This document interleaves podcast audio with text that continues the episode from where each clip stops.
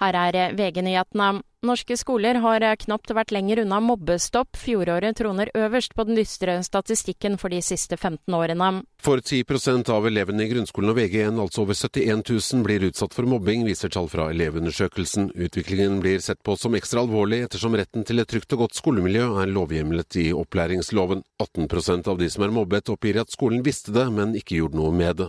Reporter Frode Sti. En person sitter fastklemt etter en kollisjon mellom en personbil og en lastebil i Holmestrand. Ifølge politiet fremstår ulykken alvorlig, og luftambulanse er på stedet.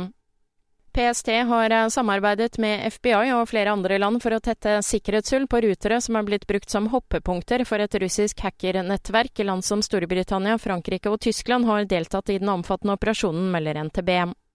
Mens eh, flere medier i dag melder at kong Harald får behandling på kongesuiten ved sykehuset Sultana Malihai i Malaysia, får VG opplyst at de ikke har en slik suite. De bekrefter imidlertid at kongen er innlagt på sykehuset, og at landets helsedepartement vil komme med en uttalelse.